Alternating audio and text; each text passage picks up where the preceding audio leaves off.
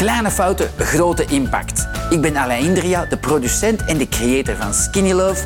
Ik ga jullie vandaag leren etiketten lezen en begrijpen. Heel belangrijk om te weten, lees niet de Nutri-score.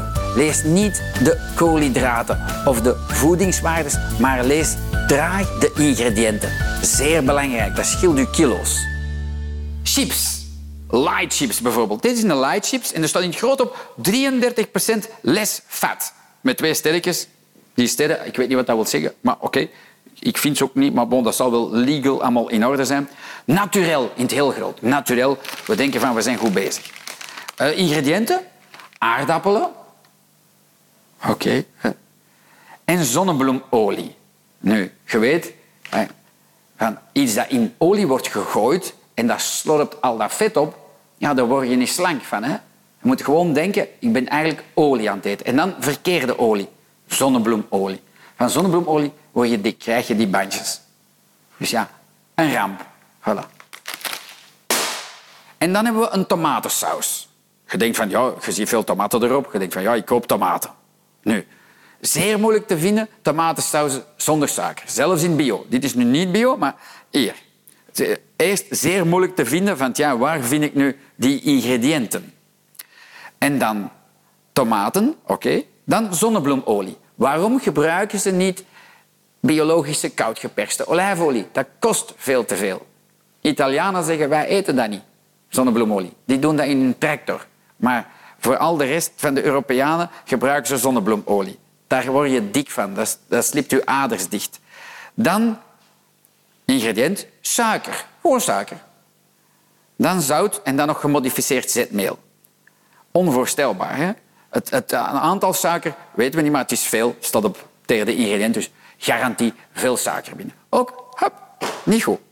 Slaadressing. Iedereen droomt, ik ga op dieet, ik ga een salade eten, ik pak een citroen uh, vinaigrette. En dan neem je traag de tijd om dat te lezen.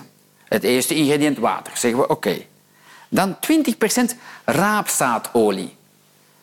Lichaam verwerkt dat niet, raapzaadolie. De enige gezonde olie voor uw lichaam zijn er twee. Is biologische koudgeperste olijfolie, maar kost veel te veel voor de voedingsindustrie, zelfs voor de biologische industrie. En pompoenpitolie. Dat zijn de enige twee gezonde goeie oliën. Voilà. Dit dat maakt je dik. Daar krijg je buikvet van, cellulite. Maar bon, we gaan voort. Dan krijg je suiker. Heb je het gehoord? Want je gaat daar rap over, omdat er nog veel andere ingrediënten denk je van, oh, nee, suiker. Er zit gewoon suiker in. Voilà. En dan wat dat zijn... Een truc van de voedingsindustrie altijd van zuurzoet te maken. Snap je? Zuurzoet is onwaarschijnlijk verslavend voor je hersenen.